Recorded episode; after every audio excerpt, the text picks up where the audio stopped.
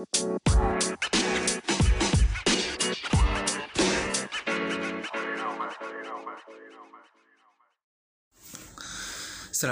warahmatullahi wabarakatuh. Kali ini Mendeni Podcast akan membahas lagi kisah mistis dari sisi Kalimantan. Dari sisi horor Kalimantan.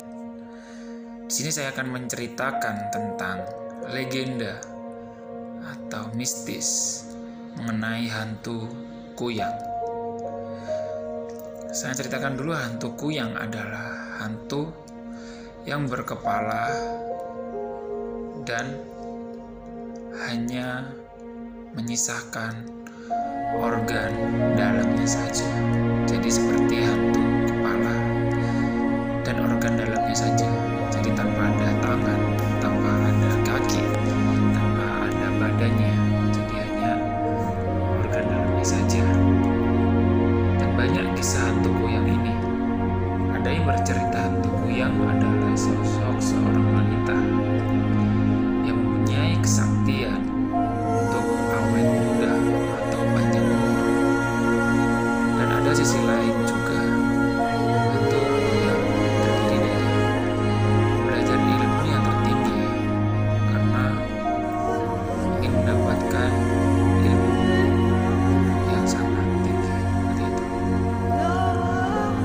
Ini salah satu cerita warga dari Pulau Kalimantan yang saya samarkan namanya menjadi Eka.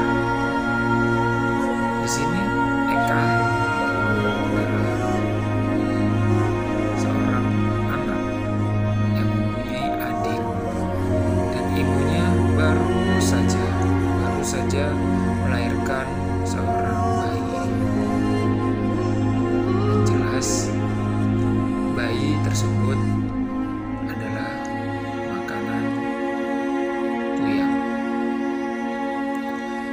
kisahnya terjadi saat dirinya masih kecil, sekitar tujuh tahun silam atau sekarang jadi sekitar 8 tahun. Saat itu mamanya baru saja melahirkan bayi yang merupakan adiknya. Sekarang sementara itu tetangganya tengah hamil 5 bulan lebih. Menurut penjelasan warga, ada sosok kuyang yang mengincar rumah Eka. Dan tetangganya, hantu itu terlihat mundar mandir di sekitar rumahnya. Dan beberapa kali kepergok, tapi lolos.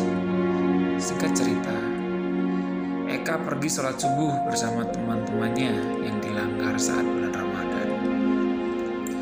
Sebelum pergi sholat, dia mendengarkan ada suara seperti berdesis, seperti atau gerusuk gerusuk gitu. Tapi di saat dicek tidak ada seorang pun di dekatnya. Karena penasaran dan suaranya muncul kembali, sering muncul. Eka memberanikan diri untuk memberi ke arah untuk pergi ke arah lonteng rumahnya. Pelan-pelan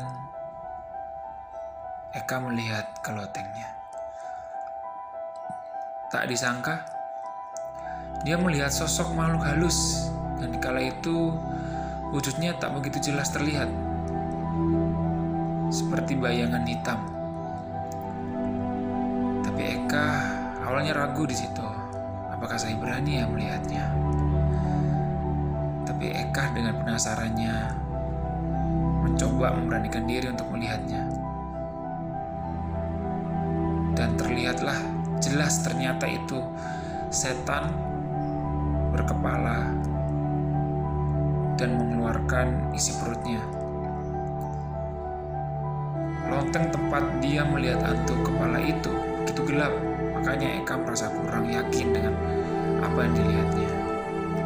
Setelah melihat tersebut, Eka pun berlari dan berteriak. Dan esok harinya Eka bercerita, hantu itu ada di dalam kegelapan lonteng saat Eka semakin fokus ke tetangganya keesokan harinya. Mamanya malah Eka esok harinya bercerita ke mamanya Tantenya sendiri pun membenarkan cerita tersebut karena Eka dia juga melihat sosok Boyang di rumah Eka. Hantu tersebut terlihat sering datang ke rumah Eka dan tetangganya yang sedang melahirkan dan tetangganya yang sedang mengandung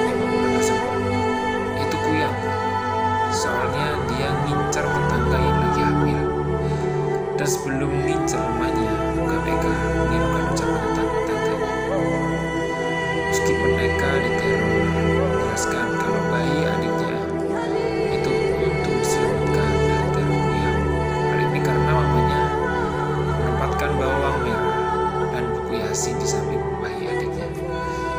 Ari-ari adikku, adiknya juga tidak dikubur di rumah. Jadi hantu Kuyang tidak ada lagi yang di sekitar rumah setelah itu.